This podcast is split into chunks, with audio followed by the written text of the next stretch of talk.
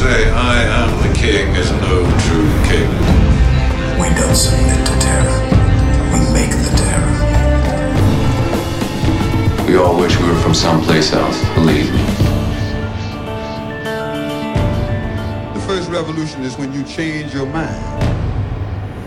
De VARA-gids podcast. Welkom bij de VARA-gids podcast. De podcast over films, series en tv. Mijn naam is Cecile Koekoek en met mij in de studio zitten... net als altijd Roger Abrahams en Floor Overmars. Roger zit uh, momenteel diep in het tweede seizoen van Dark... en is heel enthousiast, toch Roger? Zeker, zeker. En Floor is een tikje kritisch in ieder geval... over de eerste drie afleveringen van Big Little Lies seizoen 2. Maar we beginnen met Roger... Over Dark. Dark. Ja, Dark. Donkel, duister. Ja, Dark is... ehm, jullie hebben er misschien wel van gehoord. Nou, we hebben het er wel Ja. eens over gehad ook eh, in de podcast.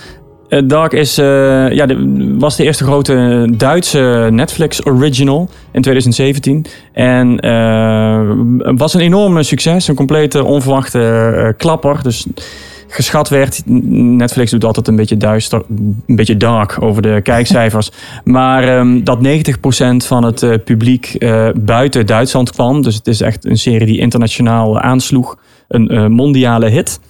De, de bedenkers daarvan, eh, Baran Boodar, eh, de regisseur, en Jantje Vries, de scenario-schrijver, die zijn meteen ingelijfd door Netflix. Ze hebben een exclusief contract gekregen om producties te maken voor Netflix. Dus eh, nou, iedereen, iedereen blij. Buiten Dark. Buiten de Ja, vervolgseizoenen. Ja, ze gaan van- een aantal eh, ja, series maken. Oh. Veel- ja, het is nog- nogal vrije opdracht volgens mij. Maar eh, hun kwaliteiten werden onderkend. En ze zetten nu eh, met een eh, contract.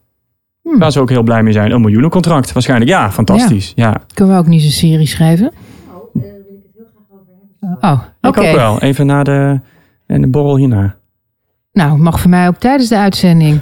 maar dan geven we onze ideeën eh, misschien weg. Praat maar verder hoor, Roger. Over Dark. Ehm, schrijvers. hebben jullie Dark gezien trouwens, seizoen 1? Nee, ik denk eh, bij Dark meteen aan eh, het Duitse Twin Peaks. Of het, en of het Duitse Stranger Things. En verder heb ik er weinig... En een bos. Een donker bos. Verder heb ik er Nou. weinig associaties mee. Nou, dat zijn precies de juiste associaties, eh, Cecile. Oh ja? Heb je misschien toch gezien? Nee, ik heb het niet gezien. Nee. Eh, nou, ik eh, ben bijna afgehaakt het eerste seizoen, moet ik zeggen. Omdat het zijn titel eer aandeed. Dus het is allemaal heel duister. En je hebt een fictief stadje Winden eh, in Duitsland... waar eh, niet de prettigste dingen gebeuren. Want eh, de vader van de jonge Jonas Kaanwald hangt zich op. En een jongetje, Mikkel Nielsen, die verdwijnt. Dus daar begint het allemaal mee. Dat is natuurlijk al niet prettig. Het, het, er hangt een heel duistere sfeer over. Het, het, het, gaat al snel richting een grot in, in het bos. Een soort onderaards gangenstelsel waar je aan uitkomt. Eh, en ik eh, ben daardoor eh, bijna afgehaakt, omdat ik me steeds afvroeg: ja, heb ik wel, ze- waar, waar zal ik vanavond dus naar gaan kijken? Moet ik weer naar die, naar die zware Duitse serie kijken? Ik ben, moet ik weer die grot in? Ik ben blij dat ik het toch heb gedaan. Ja, waar, wat heeft jou ertoe bewogen om te blijven kijken? Eh, ja, het eh, mysterie vond ik heel goed uitgewerkt. En eh, dat klopt dus allemaal. Dat mysterie blijkt inderdaad nog verder te kunnen uit...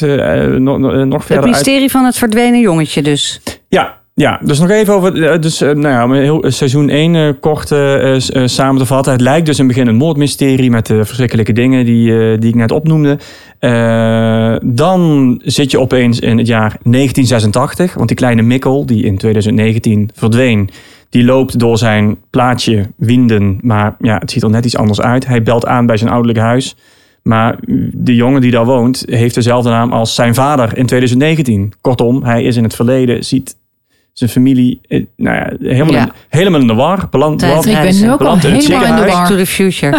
Ja, En eh, in het winden van 2019 wordt opeens een jongen, verdwenen, een jongen gevonden die 33 jaar daarvoor, in 1986, is verdwenen. Nou ja, zo blijkt het allemaal een spel met de tijd te zijn. Inderdaad, maar dat is toch tijdreizen. gewoon, of niet? Nou, het is niks is gewoon in deze serie. het draait om een god, een god in het bos. Het gangenstelsel dat doorloopt tot onder een kerncentrale ook nog. Eh, en eh, ja, dat is wat dat eerste seizoen is. En tegen het eind van dat seizoen zit, er zit een horlogemaker in. Die, uiteraard een horlogemaker, die weet meer over de tijd. Ehm, die legt het dan eigenlijk, eigenlijk een beetje uit. Eigenlijk een beetje uit voor de kijker. Dat is dan best een ingewikkeld verhaal. Maar ik vond seizoen 2, ik heb de eerste vier afleveringen gezien, eh, veel duidelijker dan seizoen 1. Oké, en speelt het zich weer in verschillende tijden af of blijven we nu in 2019? Eh, sterker nog, maar je hoeft daar niet van te schrikken, het breidt zich nog verder uit. Gaan naar de middeleeuwen. Nee, Gaan we verder nee, terug dat of niet. gaan we in de, naar de toekomst? Nou, alle, nou allebei. Eh, Oh. ne- 1921. Oh, Dus, boeiend, eh, even boeiend de- jaar. even de- nou ja, dus je ziet dus eh, een, eh, eh, werk, werklui in eenvoudige kleren met pikhouwelen op de plek waarvan we weten dat later daar zo'n grot is en een gangenstelsel en die kerncentrale. Kortom, ze staan op een soort centrale plek. En het blijkt dat dat, eh, dat, dat met een doel is. Er zit, ze hebben een soort opdrachtgever die ze noemen. En die heeft hun gezegd dat ze daar een gat moeten slaan. Nou ja, vervolgens eh, slaat de een de ander dood om bepaalde redenen. Geen goede zaak. Geen goede zaak. Dan gaan we schakelen over naar Jonas Kaanwald, de hoofdpersoon eh, uit de serie, die aan het eind van seizoen 1 in een soort apocalyptische toekomst terecht was gekomen. Het wordt steeds aantrekkelijker voor Floor. Ik zit met hele grote ogen, probeer het allemaal te volgen. Ga door. Nou, en hij, eh, het is een soort dystopische wereld waar we nog weinig van weten en hij ook niet. Maar er heeft een soort ramp plaatsgevonden waardoor de eh, merendeel van de inwoners van Winden eh, eh, zijn, eh, zijn omgekomen, dood zijn. En hij zoekt, en wij ook, wat er dan aan de hand is. Maar voordat het, tijdreizen super ingewikkeld wordt, het fijne aan seizoen 2 vind ik dat het reizen door de tijd en mensen die zelf gaan reizen door de tijd, want je komt er nu achter dat dat voor een selecte groep mensen een praktijk is. Terwijl in seizoen 1 is dat nog iets mysterieus. En goh, er is een grot met je kunt opeens door de tijd wat magisch. Maar in seizoen 2 wordt het minder magisch, omdat je ontdekt dat er groepen mensen zijn die dat doen en met een doel. Dus daardoor worden de verhalen van die mensen en waarom zij dat doen eh, belangrijk. En de verschillende periodes. Kijk, of je nu aan, op een gegeven moment maakt het niet meer uit. Dat of je, vind ik of je, interessant. Of je in 1921 zit, of in 1953, of in 2052. Dat maakt dan minder uit. Het gaat dan juist om wie zijn die mensen? Wie is hier. Ja, dus Goed, het surrealistische speelt een minder grote rol. Of het magische. Nou, het, het tijdreizen wordt minder magisch. Ja, dat Ja, wordt, wordt dat normaler gewoon. eigenlijk. Ja. En je komt erachter, die Jonas komt erachter hoe het een beetje werkt. Hij weet natuurlijk al, van- hij is een soort voorloper. Hij weet hoe het zit met die grot. Eh, hij belandt in de toekomst. Hij komt daar in de, ru- de, de, de vervallen kerncentrale. Nou, daar is iets. Er is een manier waardoor hij weer in het verleden terecht kan komen. Zij is een soort voorloper daarin. Hij gaat een beetje ontdekken en met hem de kijker natuurlijk hoe dat zit. En hij stuit op een tegenstrever in de vorm van een eh, priester die je in het eerste seizoen ook al zag. Een Noah of Noach. Nou ja, dat niet, niet toevallig natuurlijk dat die man een priester is. Dan denk ik, dat is dan juist eh, de slechterik. Of althans, dat denken we nu. En Jonas lijkt degene te zijn die de goeden eh, vertegenwoordigt.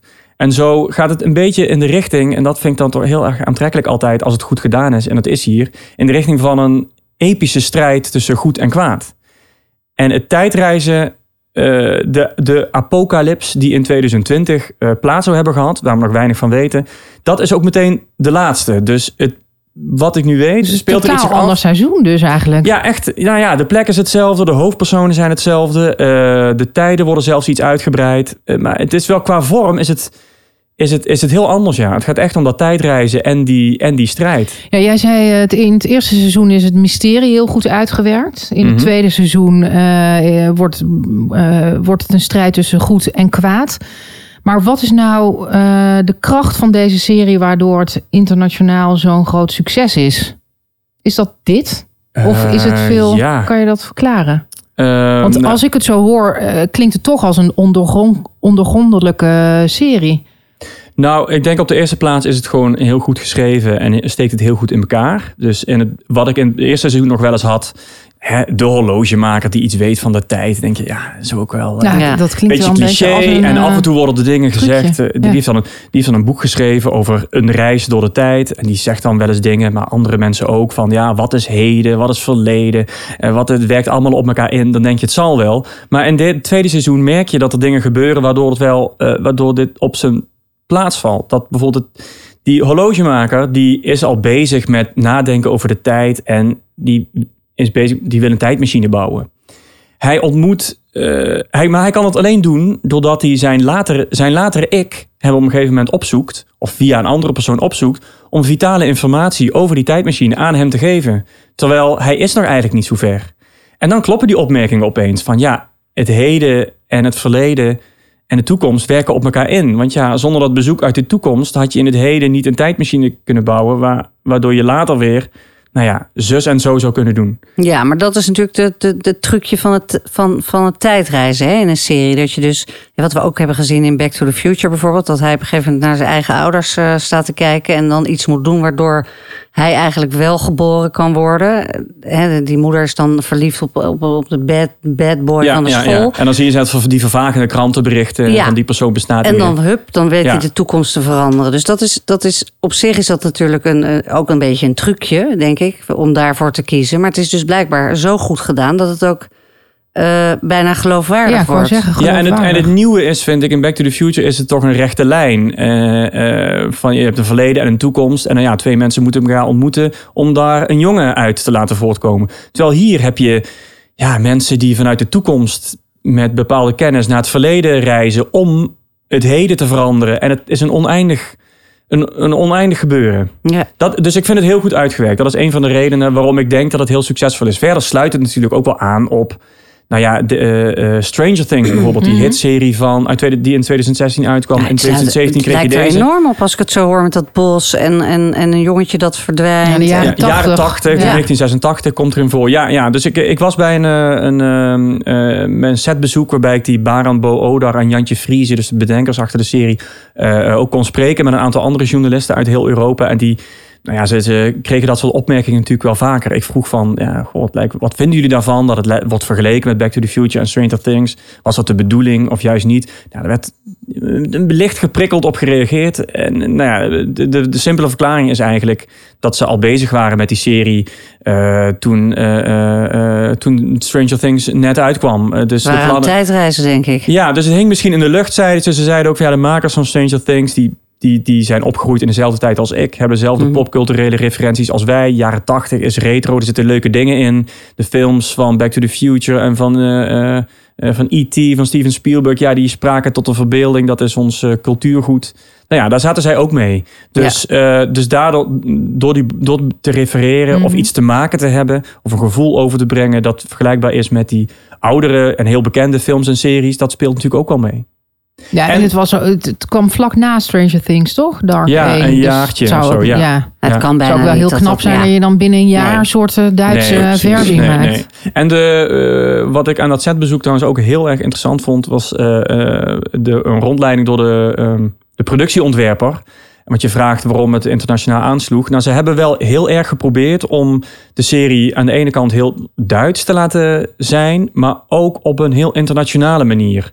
En daar waren ze eigenlijk de hele tijd mee bezig. Weet je, Taatort en Derek en die krimis, daar willen ze dan eigenlijk niks mee te maken, te, te maken hebben. Ze wilden met Winden bijvoorbeeld een stadje creëren, maar een gevoel van een stadje dat Duits is, maar eh, ja, nou ja, toch ook weer niet. Dat je daar dan eh, de lokale politierechercheur hebt. Zijn, zijn zoon verdwijnt. Hij gaat, eh, hij gaat op zoek. Een kleine gemeenschap waar veel mensen elkaar kennen. Ehm, ja, ze zijn er heel goed in geslaagd om eh, kleding en uiterlijk en locaties aan de ene kant heel Duits te laten zijn. Aan de andere kant eh, ja, internationaal neutraal. genoeg. Ja, ja. Daar zijn ze echt naar op zoek geweest. Internationaal genoeg. Dat juist vaak heel leuk is om eh, echt Echt in Duits. de, in, in de eh, ja. Duitse cultuur in dit geval te zijn als je naar zo'n serie kijkt. Ja, Vind voor- ik altijd aantrekkelijk van eh, series uit Ja, dat ze juist heel andere uitgesproken landen dan zijn. in eh, ja. Amerika. Nee, ik vind het ook heel erg. Ja. Toch ook wel weer heel erg Duits. En eh, ja, Ja, misschien ja. komt het alleen al door die paar politieauto's die dan die jaren 80 politieauto's die je ziet eh, voorbij gaan met politie erop. Iedereen Ja. praat natuurlijk ook Duits. Dus, en ehm, eh, 1921, want qua tijd eh, ja, lijkt me ook vrij donker. Maar is het, eh, wordt het ook wat licht? Ja, de jaren 80 is natuurlijk Roaring eh, Twenties. maar de Roaring Twenties. Het Duitse Roaring Twenties. Dit lijkt me niet dat de Duitsers daar nou zo aan meededen. Maar... nou, ja, Ja, zeker wel. De, de, oh, natuurlijk wel. Cabaret. En Ba- Ba- Babylon Berlin is Ja, Videoland te zien is de, Ja. de f- tops Duitse, Duitse topserie over de eh, jaren 20. Ja. Die ben ik trouwens ook aan het kijken.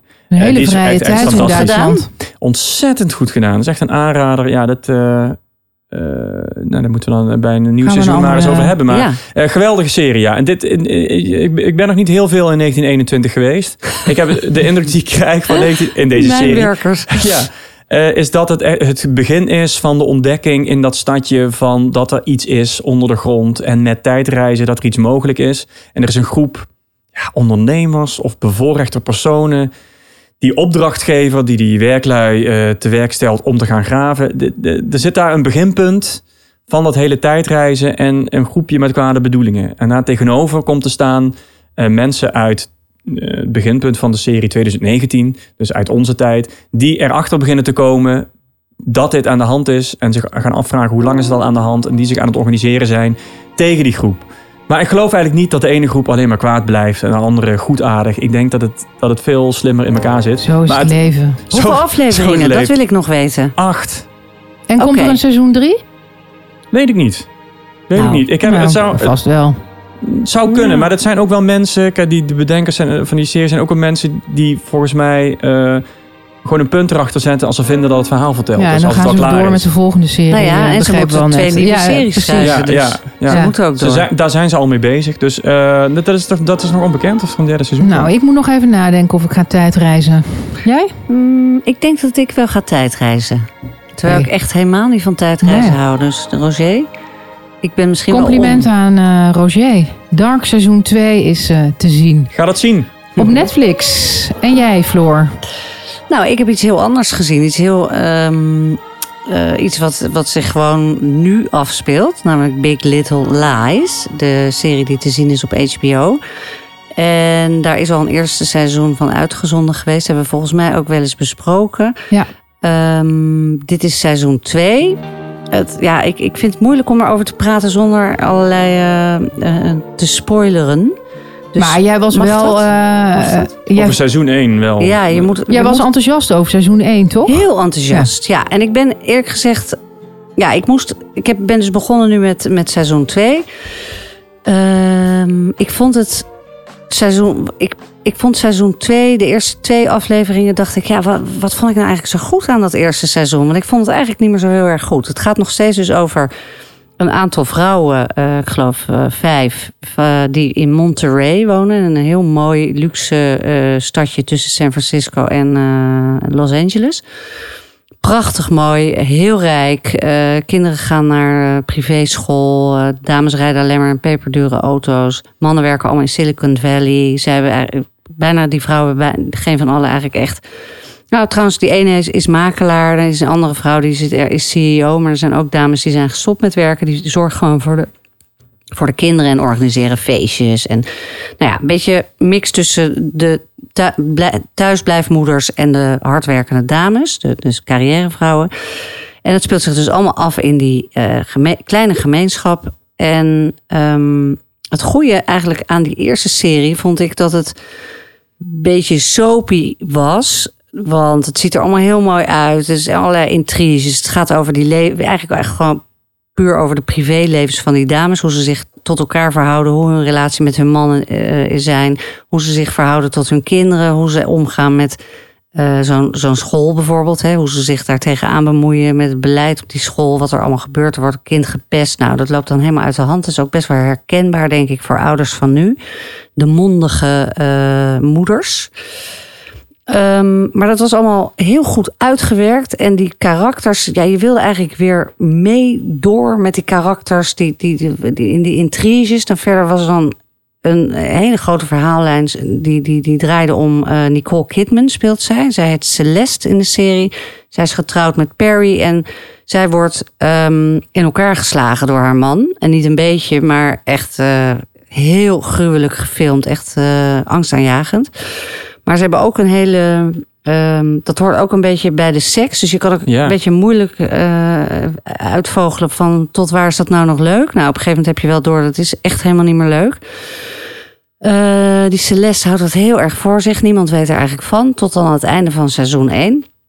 Dat, dat speelt allemaal zich af in, die, in, die, in dat eerste seizoen. En in het tweede seizoen, nou dan moet ik dat dan toch even zeggen. Die, die man die is dus dood. Die, die, die, die, die, Oeh, dit is een spoiler, joh. ja, dat is een enorme spoiler. Maar ik ga het toch zeggen. Maar daar begint het seizoen mee.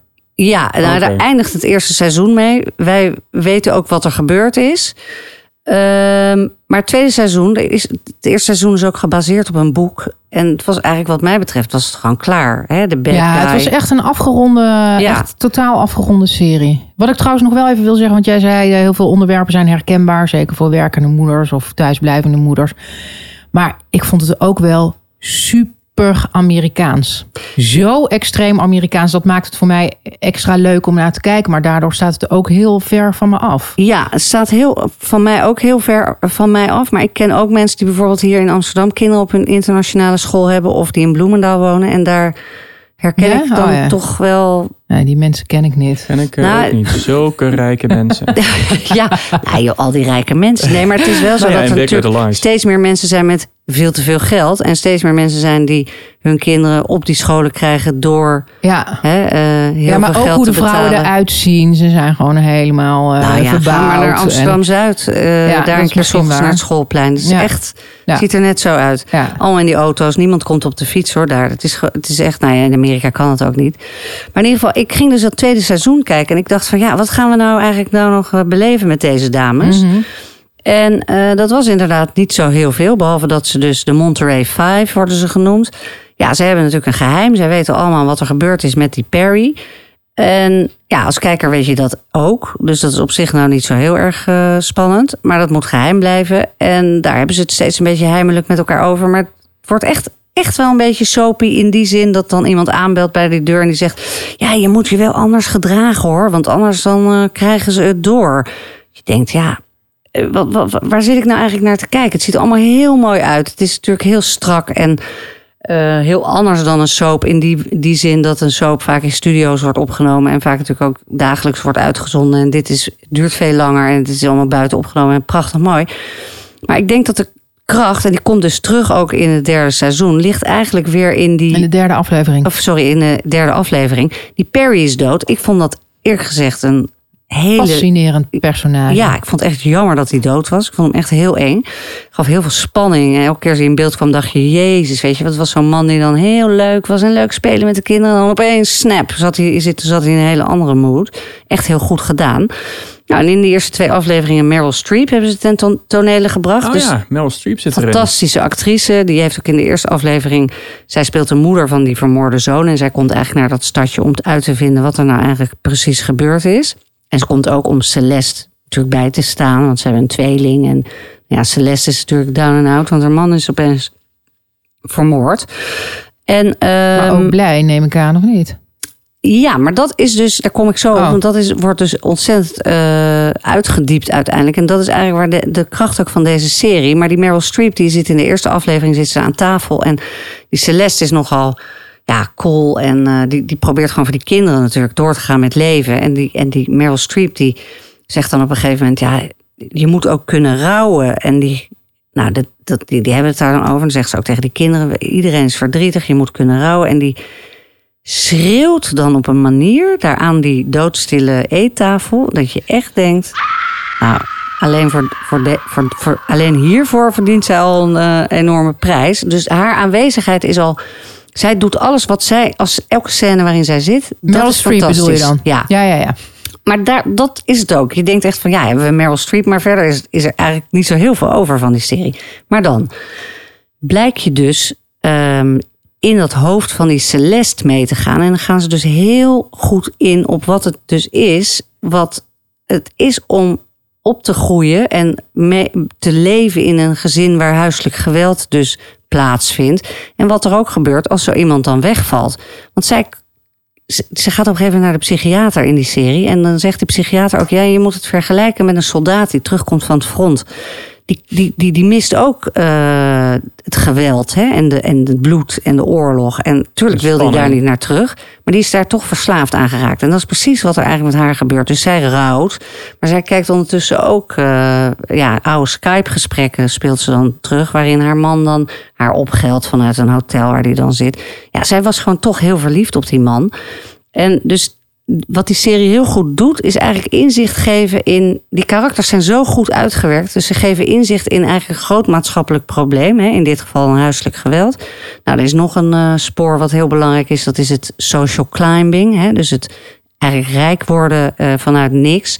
Dat wordt heel subtiel. Je weet dat niet. Het gaat over die Renata. Die blijkt dus, in dit seizoen kom je daar eindelijk achter eigenlijk heel arm geweest te zijn. Heel erg opgegroeid te zijn in een, in een vrij arm gezin. Maar dat wordt niet even zo in een gesprekje tussen twee mensen gezegd. Heel subtiel krijg je daar steeds meer van te weten. En dan uiteindelijk, ja, in aflevering drie komt dat opeens in tot volle glorie, doordat haar man, die blijkt een fraude te hebben gepleegd en ook haar geld daarvoor te hebben gebruikt. Nou, je ziet, Bang voor armoede. Ja. ja, je ziet wat er gebeurt. Nou, en het gaat natuurlijk ook heel erg, tenminste als ik jou zo hoor, over schone schijn. Want dat gezin Heel van die erg. Celeste, dat was natuurlijk voor iedereen een soort ideaal Ja, eh, Ze gezin. alles. Prachtige kinderen, knappe man, succesvolle man. Ondertussen werd ze geslagen, maar dat wist niemand. Nee. En dat geldt ook voor het andere gezin. Ja, nou, het je- geldt eigenlijk voor al die gezinnen natuurlijk. Hè. Al die, die, die, die Reese Witherspoon, Ja. ook een fantastische rol. Madeline heet zij in de serie. Zij heeft, heeft dan ja, een man die niet maar heel erg naar haar omkijkt. En zij ook niet echt naar hem. Zij heeft dan een soort fling eh, in, de, in de eerste aflevering. En Nou, dat is die softe man. ja, die dat- met die baard. Ja, ja, ja. En Heerlijk de- personage. de- Oh, ja, een soort fling met een, eh, iemand van school. En, maar ze is zo, zo dom om dat met haar dochter te bespreken. Hè? Dat, dat hele moderne van nou Oh, ja. lekker eh, vrienden met mijn eigen dochter. Ja, en die dochter die, die verspreekt zich dan. Dus, dus ze graaft ook haar eigen graf daarmee uiteindelijk. En dan komt die man erachter en die blijkt dan dus heel anders te reageren dan je verwacht. Namelijk, die zegt gewoon flikker jij een eind op. nou ja, het is, het, het is dus het, het, het menselijke onvermogen is eigenlijk het thema van deze Ja. serie. En dat maakt het heel goed. Je moet even dus door de eerste twee afleveringen in. Er zitten een paar hoogtepunten in, waaronder die schreeuw en nou ja, nog een aantal van die eh, momenten. Maar in drie vond ik echt weer dat die, ja, dat, dat, die hele onderstroom, die giftige Ja, onderstroom, voel je in alles. En ja, los daarvan ziet het er natuurlijk gewoon Ja. fantastisch uit. En is het, is het ja, gewoon een fijne serie om naar te kijken. Ik heb begrepen dat mannen het ook leuk vinden om naar te kijken. Ja. Oh, ja, ik vond het eh, heel Ja. goed eh, het eerste seizoen. Ja. Heb jij nog, wilde jij nog iets vragen, Roger? Eh, nee, ik beet, Oh. ik beet even op mijn duim. Dat Oh, dus oké. ik stak niet mijn Ja, we moeten op. wel even moeite doen om Big Little Lies eh, te kunnen zien. Bij Ziggo Movies en Series XL. Eh, en volgens mij komt er elke week een nieuwe aflevering eh, Ja, ze online. Dus je kan niet in één keer eh, kijken. Nee, jammer hè? Het komt vast ook wel, want zo heb ik het vorige keer volgens mij gezien, op de Belg. Omdat al dit soort series, of bijna Oh ja? allemaal, op, ja, op Canvas, volgens mij één of Canvas komen. Maar ik weet even niet wanneer. Volgens mij is er nog geen datum bekend wanneer dat gaat gebeuren. Oh, nou, ik wacht nog even, denk ik, tot ik het in één keer kan zien. Maar ik ga zeker kijken, want ik vond het eerste seizoen ook geweldig. Ja, ik ben heel benieuwd wat jullie ervan vinden. Ja, daar gaan we het dan over hebben, Floor. Dankjewel, Floor. Dankjewel, Roger. Dit was de Varagids, Varagids pardon, podcast. Tot de volgende keer. Doei! Dag.